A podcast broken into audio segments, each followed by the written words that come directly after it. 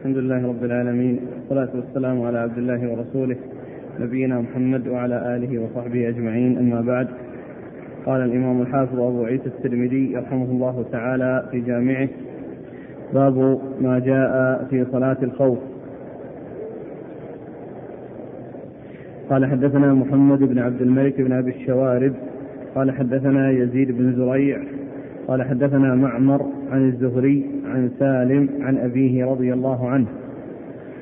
أن النبي صلى الله عليه وعلى آله وسلم صلى صلاة الخوف بإحدى الطائفتين ركعة. والطائفة الأخرى مواجهة العدو. ثم انصرفوا فقاموا في مقام أولئك. وجاء أولئك فصلى بهم ركعة أخرى.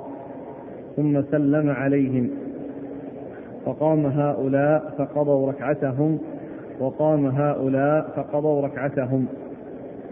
قال أبو عيسى هذا حديث حسن صحيح وقد روى موسى بن عقبة عن نافع عن ابن عمر رضي الله عنهما مثل هذا. قال وفي الباب عن جابر وحذيفة وزيد بن ثابت وابن عباس وأبي هريرة وابن مسعود وسهل بن أبي حسمة وأبي عياش الزرقي واسمه زيد بن الصامت وأبي بكرة رضي الله عنهم أجمعين. بسم الله الرحمن الرحيم. الحمد لله رب العالمين وصلى الله وسلم وبارك على عبده ورسوله نبينا محمد وعلى آله وأصحابه أجمعين. أما بعد فيقول الإمام أبو عيسى الترمذي رحمه الله في جامعه باب في صلاة الخوف. صلاة الخوف شرعها الله عز وجل عند حصول الخوف من الكفار فإن الله عز وجل شرع للمسلمين الصلاة على هيئة مخصوصة. وذلك آه، رفقا بهم وأيضا آه، للمحافظة على صلاة الجماعة. وفي مشروعية صلاة الخوف جماعة دليل واضح على وجوب صلاة الجماعة. لأنها إذا كانت الجماعة لم تسقط في حال الشدة وفي حال هذه الأمور الصعبة والأمور الشديدة معنى ذلك أن لها شأن عظيم وأن لها أهمية كبرى وأنها واجبة ولو كان ولو كانت غير واجبة لا حصل في هذه هذه الأحوال الشديدة عدم حصولها من الناس وعدم شرعيتها للناس لكنها لما شرعت على هذا الوصف علم بأن الجماعة واجبة وأن هذا من أوضح الأدلة على وجوب الجماعة. ثم إن صلاة الخوف حكمها مستمر وليس وليس ذلك خاصا به صلى الله عليه وسلم. وما جاء في القرآن من قوله وإذا كنت فيهم فأقمت لهم الصلاة فلتقم طائفة منهم معك. لا يعني أن هذا الحكم يختص به صلى الله عليه وسلم وبالمسلمين معه وأن هذا الحكم لا ينتقل إلى غيره من الأمة بل هو حكم مستمر وحكم دائم وليس من خصائص صلى الله عليه وسلم وهو نظير قول الله عز وجل كل من أموالهم صدقة تطهرهم وتزكيهم بها فإن هذا لا يدل على أن هذا الأخذ إنما هو منه صلى الله عليه وسلم وأما غيره فلا يفعل ذلك. فإن هذا من الأمور المتفق عليها أن ذلك خاص أن ذلك عام وليس خاصا بالرسول صلى الله عليه وسلم فكذلك أيضا هذه المسألة صلاة الخوف حكم مستمر وليس خاصا بالرسول صلى الله عليه وسلم. كما أن القصر أيضا مشروع بصفة دائمة وكان في الأصل آه، فيه التقييد بخوف الكفار في قوله عز وجل وإذا ضربتم في الأرض فليس عليكم جناح أن تقصروا الصلاة إن خفتم أن يفتنكم الذين كفروا. فإن الحكم لا يختص بالخوف ولهذا سبق أن مر بنا في حديث أنس أن النبي صلى الله عليه وسلم صلى في طريقه إلى مكة لا يخاف إلا الله رب العالمين أي أن أن أن, أن, القصر ليس مقصورا على الخوف من الكفار وفي حال الخوف من الكفار. ثم إن صلاة الخوف لها كيفيات جاءت بها سنة الرسول صلى الله عليه وسلم. ومنها هذه الكيفية التي أوردها المصنف في حديث عبد الله بن عمر بن الخطاب رضي الله عنهما وهذه الصفة أن الرسول صلى الله عليه وسلم جعل الناس مجموعتين مجموعة تصلي معه ومجموعة في وجاه العدو فصلى بالذين معه ركعة ثم إنهم انصرفوا وهم في صلاتهم لم يكملوها ووقفوا تجاه العدو وجاءت الطائفة الأخرى التي كانت في وجاه العدو. فصلت معه الركعة الثانية وسلم بهم ثم أتم كل من الفريقين الركعة التي بقيت عليه. ومعلوم أن هذا القضاء هذا القضاء ليس دفعة واحدة منهم وإنما هو بالتناوب حتى تكون طائفة تصلي وطائفة تحرس وتكون في مواجهة العدو. فهذه إحدى صلاة الخوف الثابتة عن رسول الله صلى الله عليه وسلم. وكذلك أيضا وهذا فيما إذا كان العدو في غير جهة القبلة. إذا كان العدو في غير جهة القبلة فإنه يكون بهذه الكيفية وبهذه الطريقة. وجاء أن العدو إذا كان في جهة القبلة أن أن, أن الإمام يجعل الجيش صفين. صف يكون وراءه وصف يكون وراء الذي وراءه ثم إنه يدخل بهم في الصلاة جميعا والعدو أمامهم ثم يركع ويركعون جميعا ثم يرفع ويرفعون جميعا ثم يسجد ويسجد معه الصف الأول. فإذا فرغوا من السجود آه، نزل وجلسوا آه، آه، بين السجدتين فإن الصف الأول الصف الثاني ينزل ويسجد ويأتي بالسجود الذي بقي عليه وهكذا. فتكون الصلاة بهم جميعا واحدة إلا أن أن أنهم ينقسمون عند عند السجود. ينقسمون عند السجود بحيث تسجد يسجد الصف الأول ثم بعد قيامهم يسجد الصف الثاني. يسجد الصف الثاني. وهذه إحدى الطريقتين وفيه طريقة أخرى أنه عند الركعة الثانية يرجع الصف الأول الأول فيكون ثانيا والصف الثاني يكون هو الأول و ثم تكون الركعة الثانية يفعل بها كالركعة الأولى. وجاء أنه إذا كان في غير جهة القبلة صفات أخرى منها أن أنه يجعل الجيش مجموعتين مجموعة تصلي معه الركعة الأولى ثم إنه يقوم للركعة الثانية ثم هم يتمون الركعة التي بقيت عليهم ويسلمون وينصرفون وتأتي المجموعة الثانية فيصلون معه الركعة الثانية وإذا آه وإذا جلس للتشهد فإنهم يأتون بالركعة التي بقيت عليهم ويتشهدون مع يتشهدون ويأتون بالتشهد ثم يسلم بهم ثم يسلم بهم. وجاء في صفة صلاة الخوف أن الإمام يجعلهم مجموعتين فيصلي بمجموعة ركعتين ويسلم ثم يصلي بالمجموعة الثانية ركعتين ثم يسلم.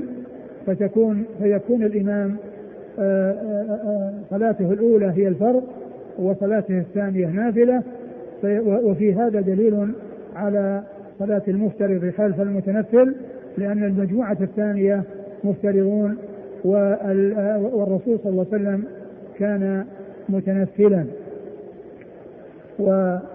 وقد قيل ان إن الذي حصل من النبي صلى الله عليه وسلم في حجة الوداع من كونه ثبت أنه صلى الظهر في مكة وثبت أنه صلى الظهر في منى والأحاديث في ذلك صحيحة والعلماء اختلفوا في ذلك.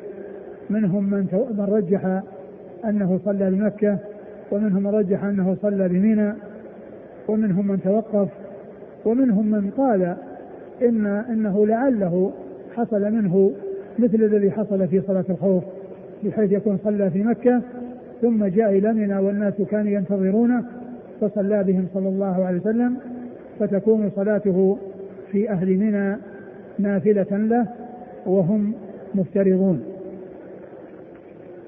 وجاء أيضا في صلاة الكسوف في صلاة الخوف أنه يجعلهم مجموعتين ويصلي بكل مجموعة ركعة ثم يسلمون المجموعة الأولى ركعة فيسلمون ثم المجموعة الثانية يصلون معه الركعة الثانية ويسلمون معه. والحاصل أن وإذا اشتد الخوف فإنهم يصلون رجالا وركبانا على قدر الطاقة يومئون إيماء سواء كانوا مستقبل القبلة أو غير مستقبليها. إذا كان الوقت سيخرج إذا كان وقت الصلاة سيخرج فإنهم يأتون في الصلاة على هذا الوجه وعلى هذا النحو. والحاصل أن أن صلاة الخوف جاءت عن رسول صلى الله عليه وسلم على صفات متعددة وأي واحدة منها فعلت مما صح عن رسول الله صلى الله عليه وسلم فإن ذلك آه، صحيح. وهذا وهذا الاختلاف يسمى اختلاف التنوع وليس من قبيل اختلاف التضاد لأن كل ما ثبت عن رسول الله صلى الله عليه وسلم من تلك الصفات فإن الإتيان بأي واحد منها سائر لثبوته عن النبي صلى الله عليه وسلم ولا يؤثر اختلاف تلك الصفات لأن هذا من قبيل اختلاف التنوع وليس من قبيل اختلاف التضاد نعم. قال حدثنا محمد بن عبد الملك بن أبي الشوارب. محمد بن عبد الملك بن أبي الشوارب صدوق أخرج له مسلم.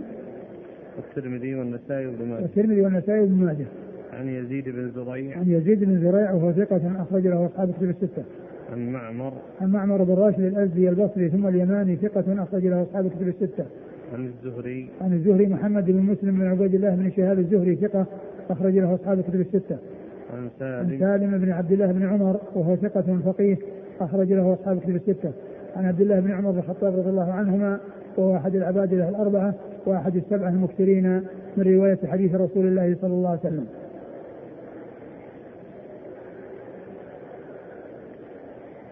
قال ثم سلم عليهم. ثم سلم عليهم يعني بهم.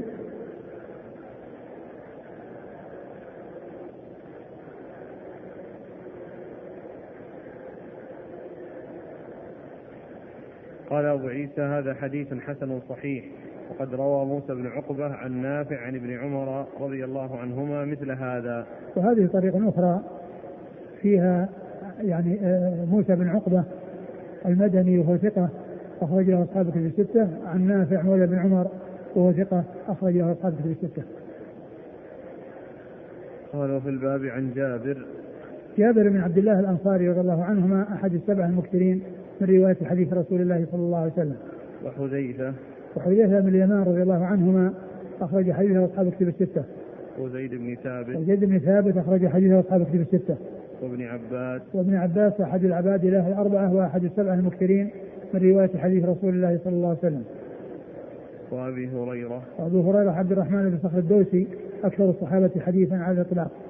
وابن مسعود وابن مسعود عبد الله بن مسعود الهذلي أخرج حديثه أصحاب كتب الستة. وسهل بن أبي حتمة. وسهل بن أبي حتمة صحابي صغير أخرج له أصحاب كتب الستة. وأبي عياش الزرقي وأبي- واسمه زيد بن صامت عياش الزرقي واسمه زيد بن صامت أخرج حديثه أبو داود والنسائي. نعم. أبو داود والنسائي. وأبي بكرة. وأبي بكر نفيع بن الحارث أخرج حديثه أصحاب كتب الستة. قال أبو عيسى وقد ذهب مالك بن أنس في صلاة الخوف إلى حديث سهل بن أبي حتمة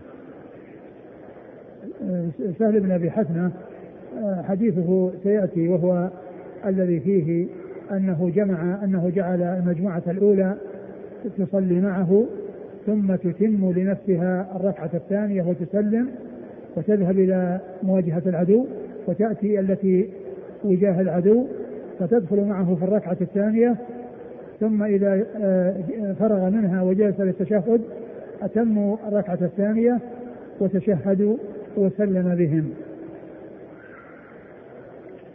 وهو قول الشافعي الشافعي محمد بن إدريس الشافعي آه، آه، الإمام الفقيه المحدث أحد أصحاب المذاهب الأربعة المشهورة من مذاهب السنة وحديث أخرجه البخاري تعليقا وأصحاب السنن.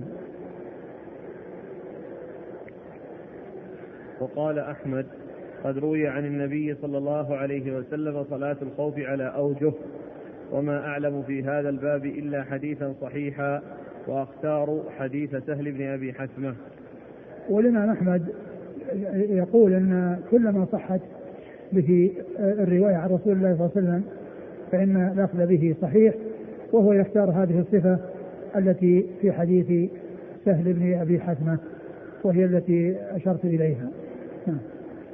وهكذا قال إسحاق بن إبراهيم قال ثبتت الروايات عن النبي صلى الله عليه وسلم في صلاة الخوف ورأى أن كل ما روي عن النبي صلى الله عليه وسلم في صلاة الخوف فهو جائز وهذا على قدر الخوف. وإسحاق بن راهوية وإسحاق بن إبراهيم بن راهوية الحنبلي المروزي ثقة أخرجه أصحابه الستة وهو يرى أن كل ما ثبتت في السنة عن رسول الله صلى الله عليه وسلم فالأخذ به جائز. وهذا على قدر الخوف أو هذا على قدر الخوف. يعني أن أن أن, أن تلك الصلوات تتفاوت. يعني فإذا كان العدو في جهة القبلة يعني يؤمل بما كان في جهة القبلة وإذا كان في غيرها يعمل بأي واحد مما آه، جاء. وإذا كان اشتد الخوف ولم يتمكنوا من أن يصلوا على هذه الكيفية جماعة فإنهم يصلون رجالا وركبانا يعني سواء يمشون على أرجلهم أو راكبين يومئون إيماء بقدر الطاقة ويكون الإيماء للسجود أخفض من الإيماء للركوع. قال إسحاق ولسنا نختار حديث سهل بن أبي حسمة على غيره على غيره من الروايات. يعني أنه لا يختار صفة معينة وإنما يرى أن الأخذ بأي واحد منها جائز وكذلك الذي قبله الإمام أحمد يرى أن الأخذ بكل واحد منها جائز ولكنه يرى أو يعني يختار آه، آآ آه، حديث سهل بن أبي حتمة وهذا من جنس آه، ألفاظ الاستفتاح وألفاظ التشهد. إذا أخذ بأي واحد منهما فإن بأي واحد منها فإنه سائر وبعض أهل العلم يختار صفة معينة ويرى أنها أولى لكنه لا يمنع من الإتيان بالصفات الأخرى وهذا هو الذي يسمونه اختلاف التنوع وليس اختلاف التضاد. والتنوع كما هو معلوم من أخذ بأي واحد من من الأقوال فهو مصيب لأن هذه أنواع للحق. بخلاف التضاد فإنه ليس كل كل من فعل شيئا مما هو من اختلاف التضاد يكون مصيبا بل المصيب يعني واحد وغيره مخطئ وذلك لقوله صلى الله عليه وسلم إذا حكم الحاكم فاجتهد فأصاب فله أجران وإذا حكم فاجتهد فأخطأ فله أجر واحد. يعني لو كان الاختلاف آه، في التضاد آه، كل مجتهد مصيب لما كان بهذا التفصيل من رسول الله صلى الله عليه وسلم معنا. والرسول صلى الله عليه وسلم فصل في ذلك فبين أن من المجتهدين من يكون مصيبا ومنهم من يكون مخطئا ولكنه مأجور على اجتهاده وخطأه مغفور. و ويمكن أن يقال كل مجتهد مصيب اجرى كل مجتهد مصيب اجرى لكن ليس كل مجتهد مصيب حقا. الحق لا يصيبه كل أحد في مسائل التضاد ولكن الأجر يصيبه كل أحد في مسائل التضاد في حال الاجتهاد. لأن النبي صلى الله عليه وسلم بين أن المجتهد المصيب يحصل أجرين والمجتهد المخطئ يحصل أجرا واحدا. قال حدثنا محمد بن بشار قال حدثنا يحيى بن سعيد القطان قال حدثنا يحيى بن سعيد الأنصاري عن القاسم بن محمد عن صالح بن خوات بن جبير عن سهل بن أبي حزمه رضي الله عنه أنه قال في صلاة الخوف قال يقوم الإمام مستقبل القبلة وتقوم طائفة منهم معه. وطائفة من قبل العدو ووجوههم إلى العدو فيركع بهم ركعة ويركعون لأنفسهم ويسجدون لأنفسهم سجدتين في مكانهم. ثم يذهبون إلى مقام أولئك ويجيء أولئك فيركع بهم ركعة ويسجد بهم سجدتين فهي له ثنتان ولهم واحدة. ثم يركعون ركعة ويسجدون سجدتين.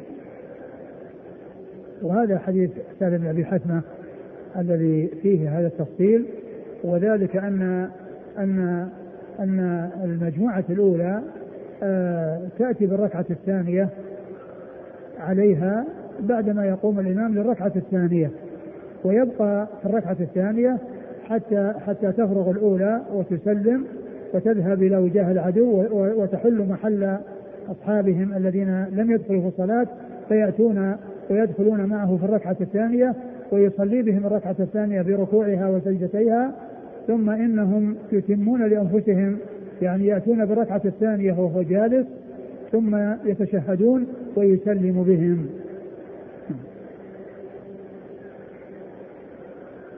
قال حدثنا محمد بن بشار.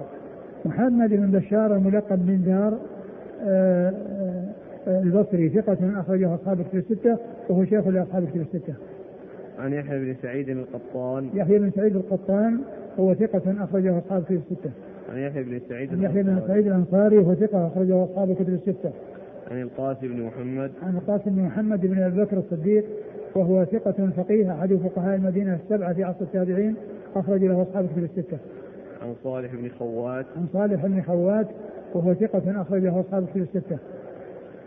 عن سهل بن أبي حسمة عن سهل بن أبي حسمة رضي الله عنه وقد مر ذكره.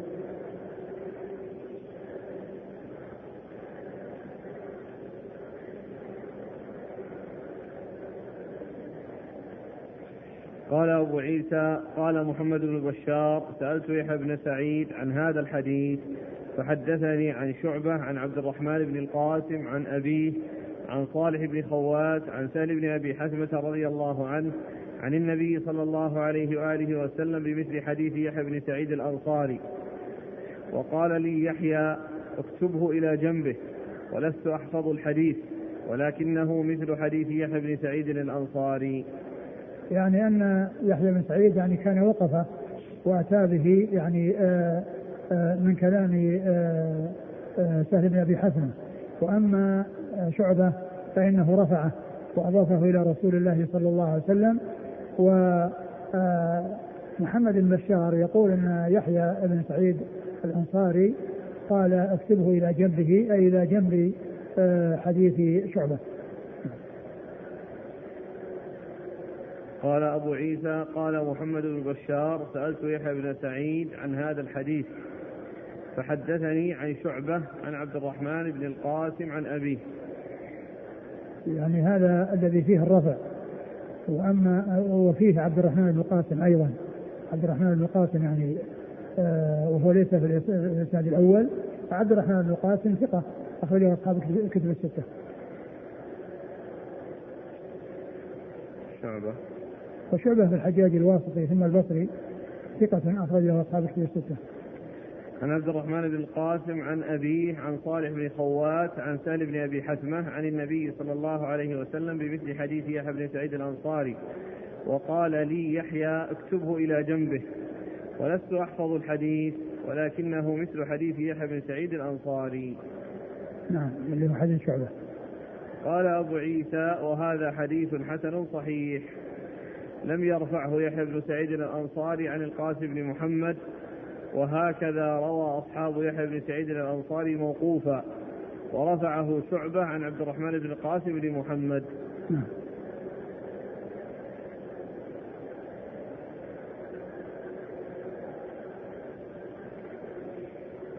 وروى مالك بن أنس عن يزيد بن رومان عن صالح بن خوات عمن صلى مع النبي صلى الله عليه وسلم صلاة الخوف فذكر نحوه. وهذه طريقة أخرى ولكنه صالح بن خوات لم يسمي الذي الصحابي الذي صلى مع النبي صلى الله عليه وسلم صلاة الخوف. ومر في الطريقة السابقة أن الذي روى عنه صالح بن خوات أنه آه، سهل بن أبي حسنة وقد جاء أيضا أنه روى عن أبيه آه، خوات بن جبير. نعم. وروى مالك بن أنس عن يزيد بن رومان مالك بن أنس إمام دار الهجرة المحدث الفقيه أحد أصحاب المذاهب الأربعة المشهورة من مذاهب السنة وحديث أخرجه أصحاب الكتب الستة ويزيد بن رومان ثقة أخرجه أصحاب الكتب الستة. عن صالح بن خوات عمن صلى مع النبي صلى الله عليه وسلم. نعم وهو يحتمل أن يكون سهل بن أبي حتمه وأن يكون أباه. قال أبو عيسى هذا حديث حسن صحيح وبه يقول مالك والشافعي وأحمد وإسحاق.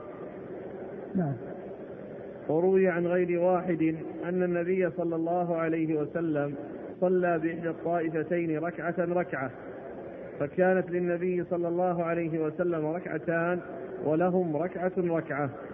وهذه صفة أخرى من صفات صلاة الخوف أن الرسول صلى بهم له ركعتان وكل طائفة تصلي معه ركعة. قال أبو عيسى أبو عياش الزرقي اسمه زيد بن صامت. نعم. قال رحمه الله تعالى باب ما جاء في سجود القرآن. قال حدثنا سفيان بن وكيع قال حدثنا عبد الله بن وهب عن عمرو بن الحارث عن سعيد بن أبي هلال عن عمر الدمشقي عن أم الدرداء عن أبي الدرداء رضي الله عنه أنه قال سجدت مع رسول الله صلى الله عليه وآله وسلم إحدى عشرة سجدة. منها التي في النجم. قال حدثنا عبد الله بن عبد الرحمن قال أخبرنا عبد الله بن صالح قال حدثنا الليث بن سعد عن خالد بن يزيد عن سعيد بن أبي هلال عن عمر وهو ابن حيان الدمشقي. قال سمعت مخبرا يخبر عن أم الدرداء عن أبي الدرداء عن النبي صلى الله عليه وسلم نحوه بلفظه. قال أبو عيسى وهذا أصح من حديث سفيان بن وكيع عن عبد الله بن وهب. قال وفي الباب عن علي وابن عباس وأبي هريرة وابن مسعود وزيد بن ثابت وعمرو بن العاص رضي الله عنهم أجمعين. قال أبو عيسى حديث أبي الدرداء حديث غريب لا نعرفه إلا من حديث سعيد بن أبي هلال عن عمر الدمشقي. ثم ورد أبو عيسى باب سجود القرآن. والمقصود من ذلك سجود التلاوة. المقصود من ذلك سجود التلاوة. وسجود التلاوة آه، سجدات القرآن أجمع العلماء على أنه ليس في القرآن أكثر من خمسة عشرة سجدة. ليس هناك أكثر من خمسة عشر. وهذه الخمسة عشرة أجمع العلماء على عشر منها. واختلفوا في خمس. واختلفوا في خمس. والخمس المختلف فيها هي سجدات المفصل الثلاث وسجدة صاد والسجدة الأخيرة من سورة من سورة الحج. هذه خمس مختلف فيها ولكن الصحيح فيها جميعا ثبوت السجود فيها. فتكون سجدات التلاوة آه الثابتة سواء المتفق عليه أو المختلف فيه خمس عشرة سجدة وليس في القرآن أكثر من ذلك. وغالب السجدات أو أو كل السجدات التي متفق عليها هي التي جاءت في آه، عن طريق الإخبار. التي جاءت عن طريق الإخبار. السجود فيها جاء عن طريق الإخبار. وأربع من السجدات التي اختلف فيها السجود جاء فيها عن طريق الأمر. عن طريق الأمر. وسجدة صاد ليس ليست فيها أمر ولكنها قيل إنها آه، سجدة شكر وفيها ذكر الركوع بدل السجود ولكن السجود فيها ثابت عن رسول الله صلى الله عليه وسلم فتكون السجدات كلها التي آه التي آه أجمع على أنه ليس هناك أكثر منها أي من خمس عشرة سجدة تكون كلها ثابتة عشر باجماع العلماء وخمس باختلاف بخلاف بينهم ولكن الصحيح ثبوت ذلك في الخمس المختلف فيها. وكما قلت المختلف فيها جاء السجود فيها بلفظ الأمر لأن السجدات المفصل الثلاث آه، ليست كلها الانشقاق ليس فيها أمر ليس ليست بلفظ الأمر وإنما سجدة سجدة النجم وسجدة العلق وكذلك السجدة الثالثة في الحج الثانية في الحج كلها بلفظ الأمر. وأكثر أو كل السجدات الأخرى هي آه، آه، بلفظ الخبر. وقد أورد أبو عيسى حديث أبي الدرداء رضي الله عنه أنه شهد أنه شهد قال شهدت. سجدت. سجدت مع الرسول صلى الله عليه وسلم 11 سجدة سجدت مع رسول الله صلى الله عليه وسلم 11 سجدة. وهذا لا ينفي الزيادة على ذلك لأنه أخبر عن الشيء الذي حصل له والذي شاهده وعاينه فلا ينفي غير ذلك. ولكن الحديث فيه آه، ضعف لأن في إسناده عمر بن حيان وهو مجهول. قال حدثنا سفيان بن وكيع. سفيان بن وكيع سفيان بن وكيع هو كان صدوقا ولكنه ابتلي بوراق وأدخل فيه أدخل آه، عليه ما ليس له فنصح فلم ينتصح فترك حديثه. وقد أخرج حديثه. الترمذي وابن ماجه. الترمذي وابن ماجه. عن عبد الله بن وهب. عن عبد الله بن وهب المصري وهو ثقة أخرجه أصحاب كتب الستة. عن عمرو بن الحارث. عن عمرو بن الحارث المصري ثقة أخرجه أصحاب كتب الستة. عن سعيد بن أبي هلال سعيد بن أبي هلال صدوق أخرجه أصحاب كتب الستة. عن عمر الدمشقي عن عمر الدمشقي وهو مجهول أخرج له الترمذي وابن ماجه الترمذي وابن ماجه عن أم الدرداء عن أم الدرداء وهي هجيمة وهي الصغرى التابعية أخرجها أصحاب كتب الستة وأما أم الدرداء الكبير الكبرى وهي خيرة فليس لها رواية في الكتب الستة. عن أبي الدرداء عن أبي الدرداء رضي الله عنه وهو عويمر أخرج حجه وأصحاب الكتب الستة. قال حدثنا عبد الله بن عبد الرحمن. عبد الله بن عبد الرحمن هو الدارمي وهو ثقة أخرج له مسلم. وأبو داود والترمذي. وأبو داود والترمذي.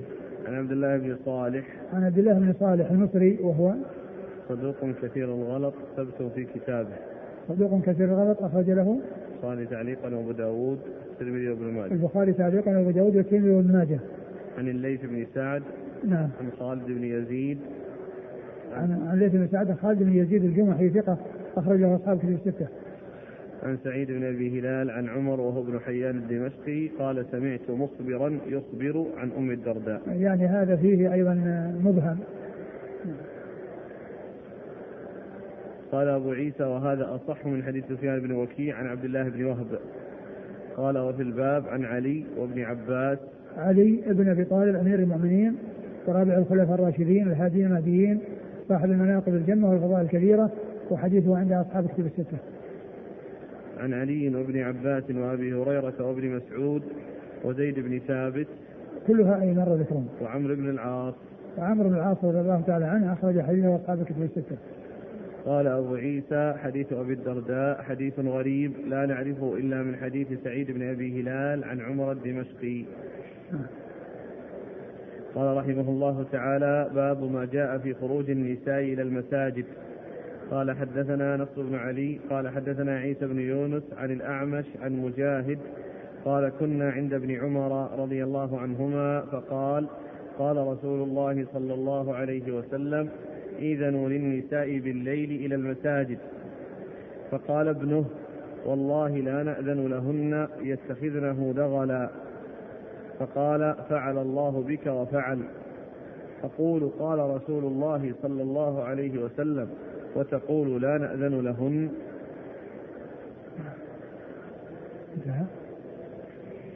قال وفي الباب عن أبي هريرة وزينب امرأة عبد الله بن مسعود وزيد بن خالد رضي الله عنهم قال أبو عيسى حديث ابن عمر حديث حسن صحيح. ثم ورد أبو عيسى باب الإذن للنساء في خروج المساجد. ما جاء في خروج النساء إلى المساجد. باب ما جاء في خروج النساء إلى المساجد. يعني هذا هذا الباب يعني وضعه في يعني هذا المكان وبين أبواب سجود التلاوة. يعني آه ليس واضحا.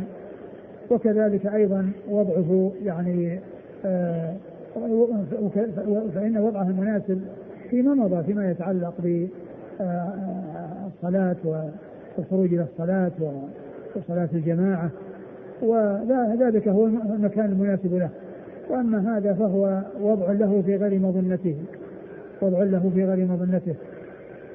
وقد أورد فيه حديث آه، عبد الله بن عمر بن الخطاب رضي الله تعالى عنهما أنه قال اذنوا للنساء في الخروج إلى المساجد في الليل. فقال ابن له وقيل هو بلال وقيل واقد والله لا لا نأذن لهن يتخذنه دغلا أي يعني من آه، يعني بعض النساء التي قد يكون عندهن شيء من الريبة يتخذن ذلك حيلة أو وسيلة إلى يعني أمور لا تصلح. وهذا في حق من يخشى منها ذلك. فأنكر عليه أبوه يعني هذا الكلام الذي قاله. وسبه سبا شديدا كنا عنه بقوله فعل وفعل. ثم إنه آه، قال بعد ذلك لا أكلمك. لا. إيش قال في آخره؟ فعل الله بك وفعل. أقول قال رسول الله صلى الله عليه وسلم وتقول لا نأذن لهن. نعم أقول لك قال رسول الله صلى الله عليه وسلم وتقول لا نأذن لهن. وهذا فيه الإنكار على من خالف السنة وتأديب الوالد ولده.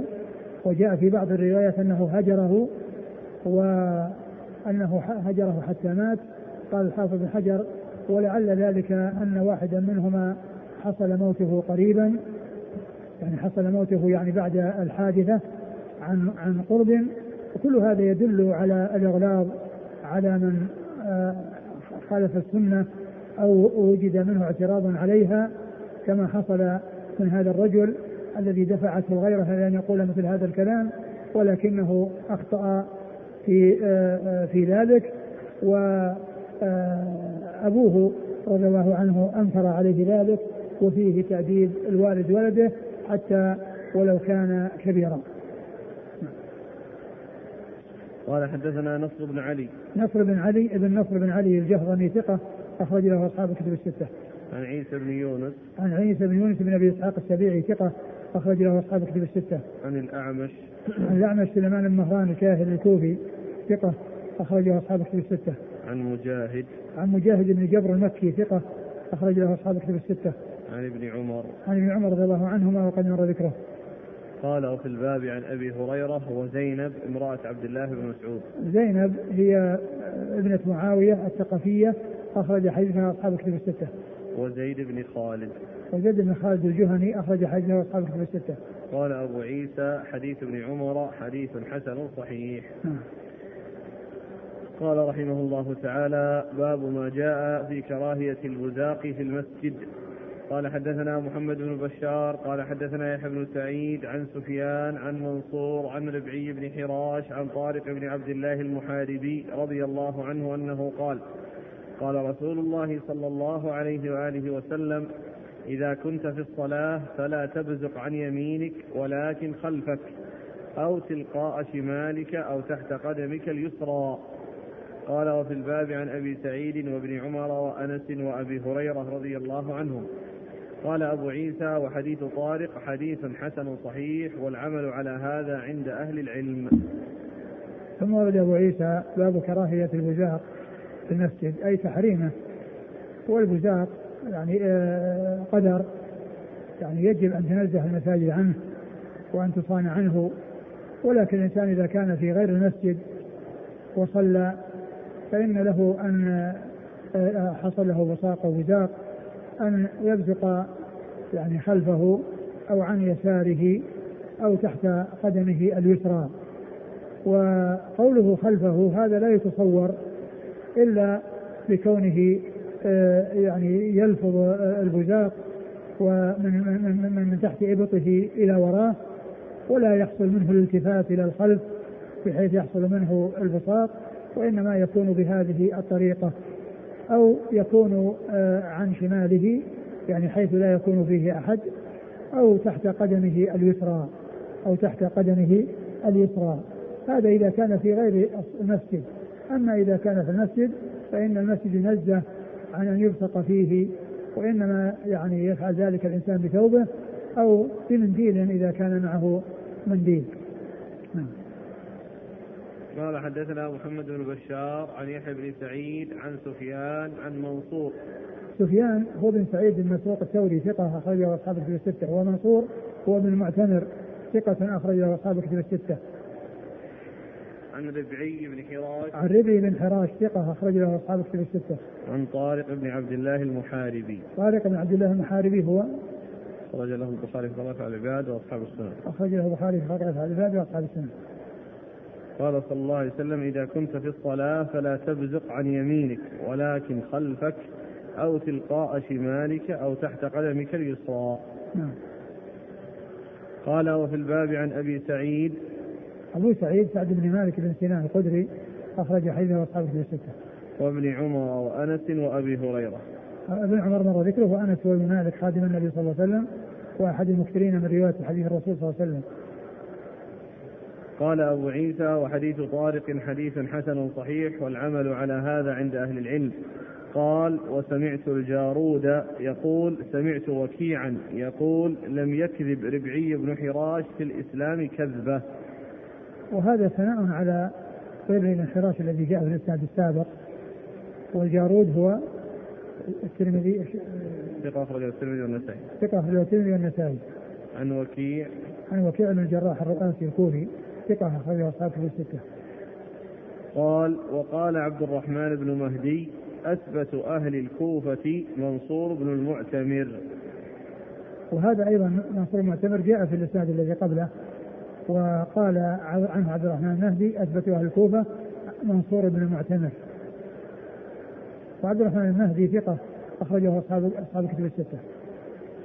قال حدثنا قتيبة قال حدثنا أبو عوانة عن قتادة عن أنس بن مالك رضي الله عنه أنه قال قال رسول الله صلى الله عليه وآله وسلم البزاق في المسجد خطيئة وكفارتها دفنها ثم ورد أبو عيسى حديث أنس بن مالك رضي الله عنه أن النبي صلى الله عليه وسلم قال البزاق في المسجد خطيئة وكفارتها دفنها وهذا يدل على أنه ليس الإنسان أن يبزق في المسجد ولكن إذا وجد منه إذا وجد منه ذلك فإن أو, أو, أو كذلك إذا وجد منه ذلك فإنه يدفنه إذا حصل منه ذلك أو وجدت منه هذه الخطيئة فإنه يدفنه ولكن الذي عليه ألا يفعل.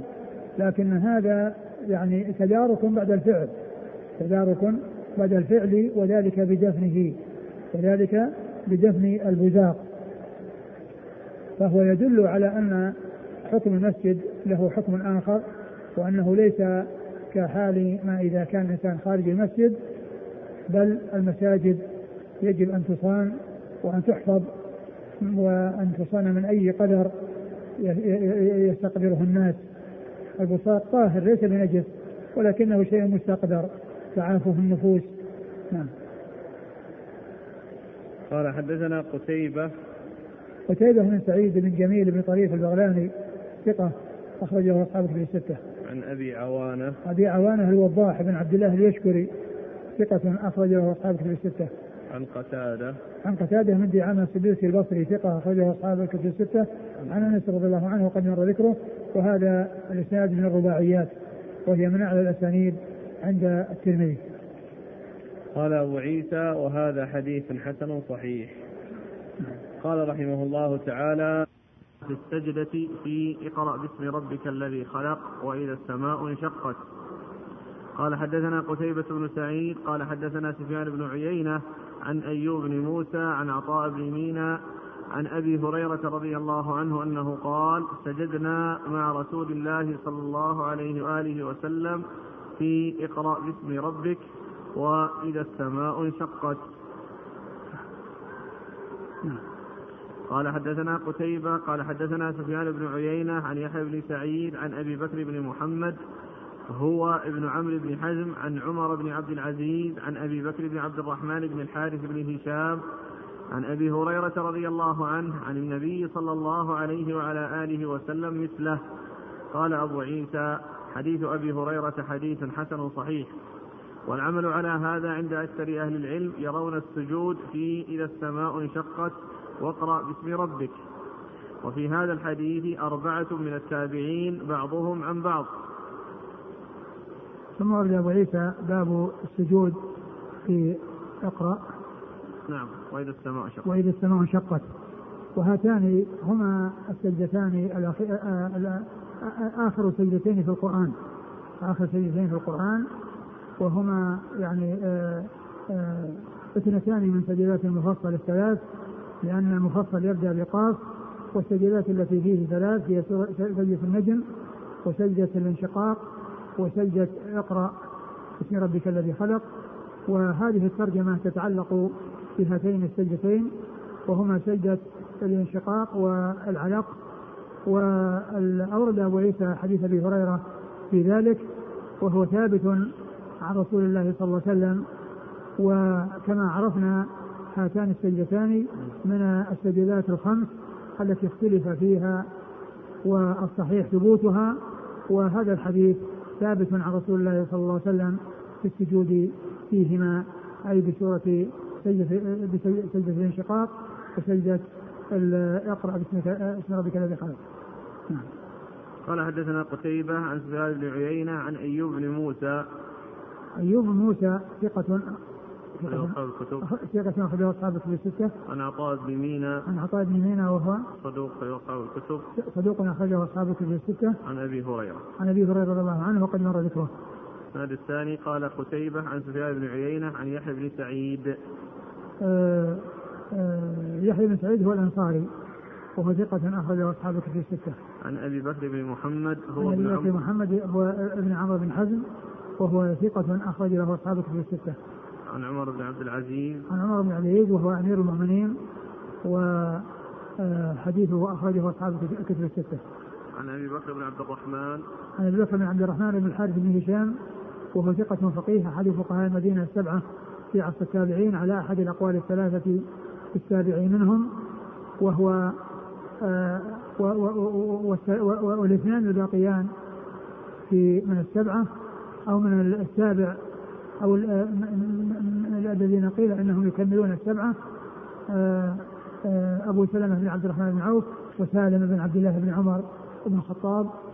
وأبو بكر هذا هو الذي ذكره ابن القيم مكملا لفقهاء المدينة السبعة الذين ذكرهم في أول كتابه إعلام الموقعين فإنه ذكر عندما ذكر الفقهاء في المدينة وذكر الفقهاء في عصر التابعين ذكر منهم آه، الفقهاء السبعة وجعل السابع منهم هو أبو بكر بن عبد الرحمن بن الحارث بن هشام الذي معنا في هذا الإسناد وذكر بيتين من الشعر الثاني منهما يشتمل على ذكر الفقهاء السبعة وتابعهم أبو بكر بن عبد الرحمن بن الحارث بن هشام هذا فقال إذا قيل إذا قيل من في العلم سبعة أبحر روايتهم ليست عن العلم خارجة فقل هم عبيد الله عروة قاسم سعيد أبو بكر سليمان خارجة.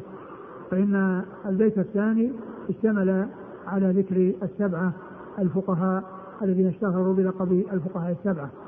ويأتي ذكر هؤلاء الفقهاء إذا اتفقوا على مسألة فيأتي ذكرهم بهذا اللقب دون أن تذكر أسماءهم كما ذكروا ذلك في زكاة العروض حيث قالوا فقال بها الأئمة الأربعة والفقهاء السبعة.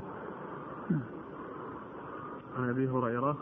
عن أبي هريرة رضي الله عنه وقد مر ذكره. قال أبو عيسى حديث أبي هريرة حديث حسن صحيح والعمل على هذا عند أكثر أهل العلم. يرون السجود في إذا السماء انشقت واقرأ باسم ربك. وفي هذا الحديث أربعة من التابعين بعضهم عن بعض.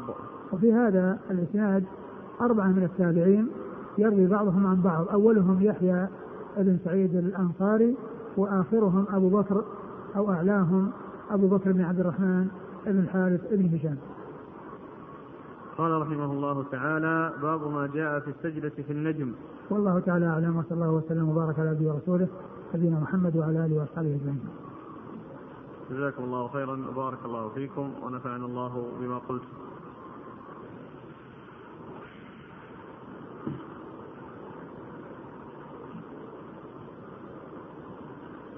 يقول السائل جاء عن بعض السلف أن صلاة الخوف ركعة واحدة.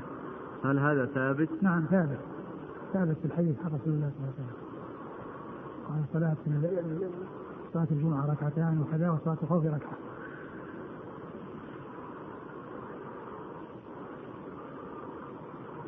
يقول كيف تكون الصلاة في هذا الزمان؟ لأن الأسلحة تغيرت وتطورت وأصبحت تصيب من مكان بعيد.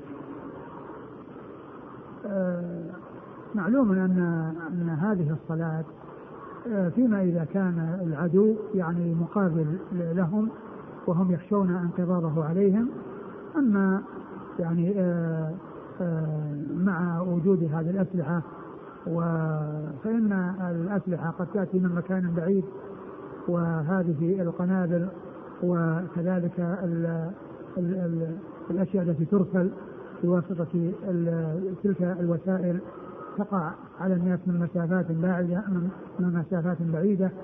فلا يعني آه، آه، يكون الأمر يعني آه، يفعل معه مثل هذه الصلاة. لأن تفعل معه هذه الصلاة. لأن ال ال ال ال هذه الصفات التي جاءت كلها فيما إذا كان العدو يعني يرونه ويراهم سواء كانوا من جهة القبلة أو من غير جهة القبلة.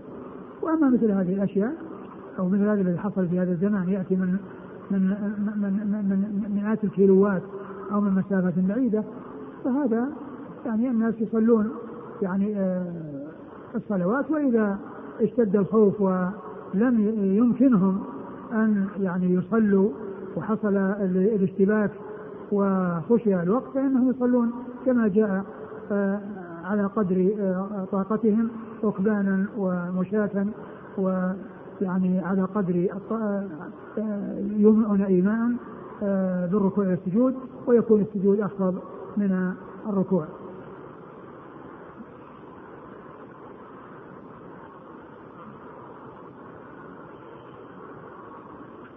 يقول الطائفة التي تصلي معه صلى الله عليه وسلم ركعة ويقضون ركعة. وتكون للنبي صلى الله عليه وسلم ركعتين هل تقضي الطائفتان الركعة وهم يحاربون العدو وكيف يكون ذلك؟ الصفة التي جاءت في حديث سهل بن أبي حثمة أن العدو في جهة في غير جهة القبلة والجماعة أو الجيش قسم إلى مجموعتين مجموعة في مواجهة العدو ومجموعة تصلي مع الإمام الركعة الأولى وإذا قام الإمام للركعة الثانية فإنهم يأتون بالركعة الثانية التي بقيت عليهم ويسلمون ثم يذهبون إلى إلى الذين كانوا وجاه العدو فيمسكون أماكنهم ويأتي آه، تأتي تلك الطائفة وتصلي معه الركعة الثانية وإذا جلس في التشهد يأتون بالركعة الثانية عليه التي بقيت لهم ثم يسلم بهم ثم يسلم بهم. هذه كيفيتها الكيفية التي جاءت في حديث سهل بن أبي حثمه يقول فضيلة الشيخ ألا يصح أن يصلوا جماعتين؟ كل إمام يصلي بجماعة. ما جاء ما جاء ما جاءت هذه الصفة وإنما جاءت الصفات وليس فيها وليس فيها هذه الصفة.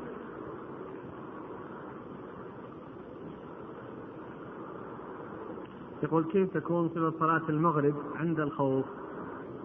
صلاة المغرب عند الخوف كما هو معلوم لا تقصر لا تقصر وإنما يعني ال تصلى يعني مجموعة تصلي ثنتين وتكمل لنفسها ويعني عندما يقوم الإمام للثالثة ثم تأتي المجموعة الثانية وتصلي معه الركعة التي بقيت ثم يأتون بالركعتين الباقية الباقيتان ويسلم بهم ويسلمون معه. هذا يقول هل يكون قضاء إتمام الركعة الثانية للمجموعة الأولى مباشرة بعدما تسلم من الركعة الأولى؟ آه، آه، محتمل يعني آه، أن تكون المجموعة الثانية هي بعدما يسلم الإمام يعني تأتي بال بالركعة التي بقيت المجموعة الثانية التي آه، لأن المجموعة الأولى صلت ركعة ومضت وبقي عليه ركعة والمجموعة الثانية صلت يعني معه ركعة ثم يعني آه، سلم. وبعد السلام كل يقضي. فيمكن أن تكون المجموعة الثانية هي التي آه، تصلي أولا وتلك تحرس أو أن تلك تذهب وهؤلاء يصلون ما عليهم ثم أولئك يصلون اللي في مجموعة كل ذلك ممكن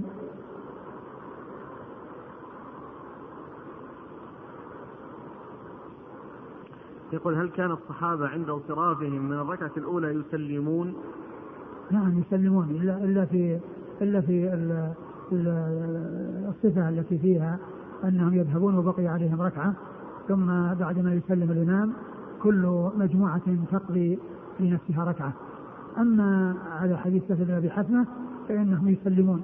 إذا صلوا الركعة الثانية والإمام قائم للركعة الثانية آه، آه، يسلمون ثم ينصرفون. وقد انتهت صلاتهم.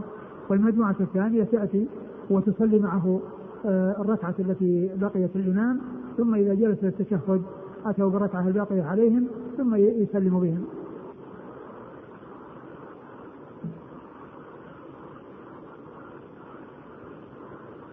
يقول كم عدد كيفيات صلاة الخوف؟ يعني قيل قيل هنا خمس أو ست. ولهذا جاء عن أحمد قال جاء ثبت صلاة الخوف في على ستة خمسة أوجه أو ستة كلها جائزة. نعم. يقول كم عددها من حيث التي إلى القبلة والتي إلى غير القبلة؟ التي في القبلة يعني هي واحدة لكن لها صفتان. يعني إذا كان جهه القبلة يعني فيها صفتان.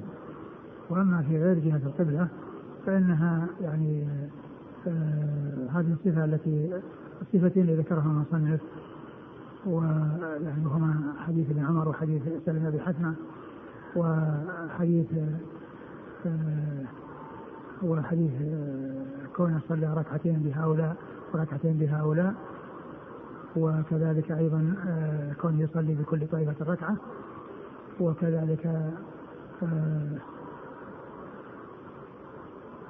وكذلك يعني صفة أنهم يصلون يعني آه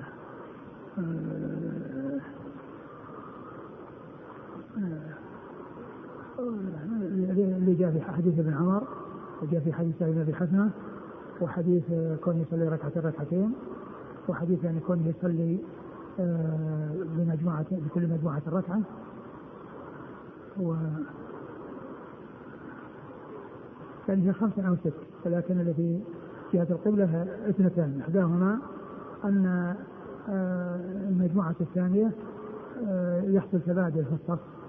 فيكون عند الركعة الثانية يتقدم الصف الأول الثاني يصير الأول والآخر والأول يصير الآخر. والصفة الثانية أنه ليس فيه تقدم وإنما يسجد الصف الأول وإذا قام من السجود يسجد الصف الثاني في الركعة الأولى وفي الركعة الثانية كلها على حد سواء.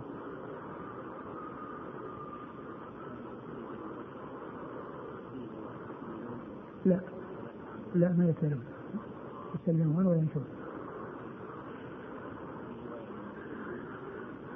أعرف رواية سالم بن حسنة هي تنوع رواية سهل بن حسنة هي التي فيها أنهم يكملون كل مجموعة ست ركعة وأما تلك فهي كل مجموعة لكل ركعة هو له ركعتان ولكل ركعة.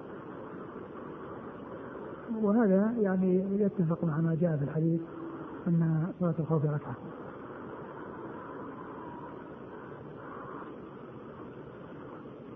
يقول هل تؤخر الصلاة عند الاشتغال بالقتال كما ورد في البخاري عن أنس بن مالك أنه حضر فتحة السر فما صلى الفجر إلا بعد طلوع الشمس وكان معه صحابة. لا تؤخر الصلاة بل يصلى يصلون على قدر على حسب قدرتهم ركبانا ورجالا كما قاله عليه خصم فرجالا أو ركبانا. ولكن لا تؤخر الصلاة عن وقتها.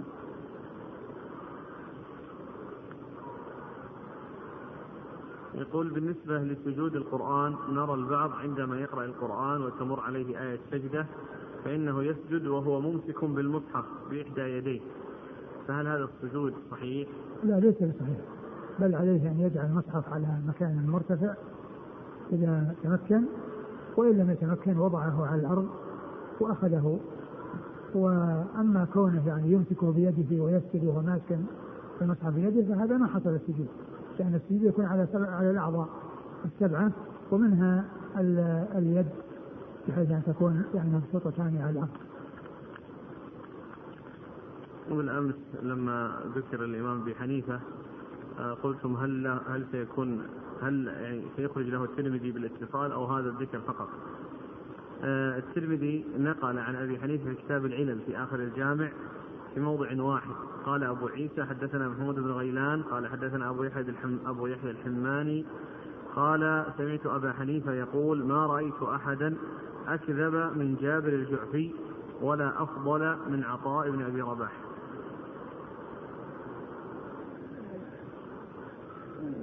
يعني هل ما ما رواه إلا هذا؟ إي نعم هكذا قالت المزي في تهذيب الكمال. قال هذا؟ نعم ونقل عنه كذلك الحافظ بن حجر في تهذيب الكمال. على أنه ما رواه إلا هذا؟ نعم. اذا لعل هذا هو الذي جعله للرجال.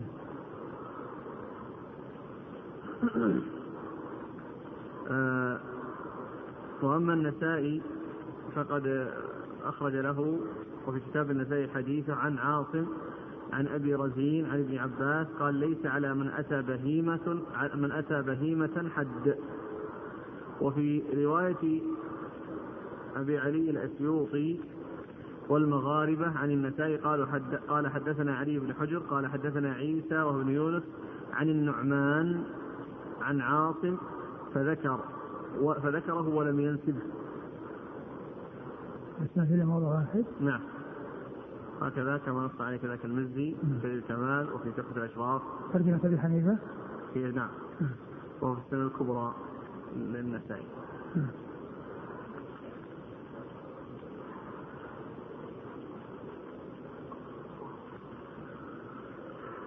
يقول السائل حفظك الله فقد مني مصحف من مصاحف المسجد النبوي حيث أني وضعته عند الحارس حارس الحمامات لأتوضأ.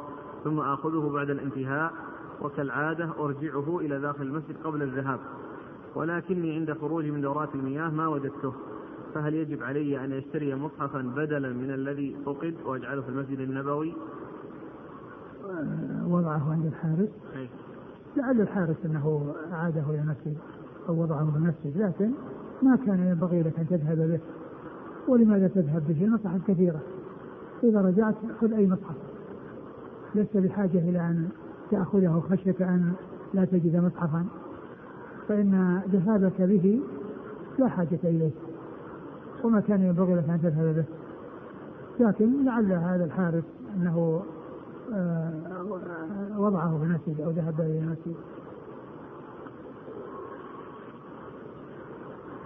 وهذا يقول هل يجوز لي أن أدرس في الجامعات التي فيها اختلاط إذا خشيت على نفسي الفتنة؟ آه الإنسان عليه أن يعني أن يدرس في جامعات لا اختلاط فيها. في جامعات لا اختلاط فيها. هذا هو الذي على الإنسان أن يفعله. وذلك أن الاختلاط فيه فتن ولا سيما إذا كان الإنسان يخشى على نفسه. إذا كان الإنسان يخشى على نفسه فإن عليه أن يبتعد. والسائل يقول انه انه إنه يخشى على نفسه فاذا عليه أن يبتعد. جزاكم الله خيرا وبارك الله فيكم ونفعنا الله بما قلت.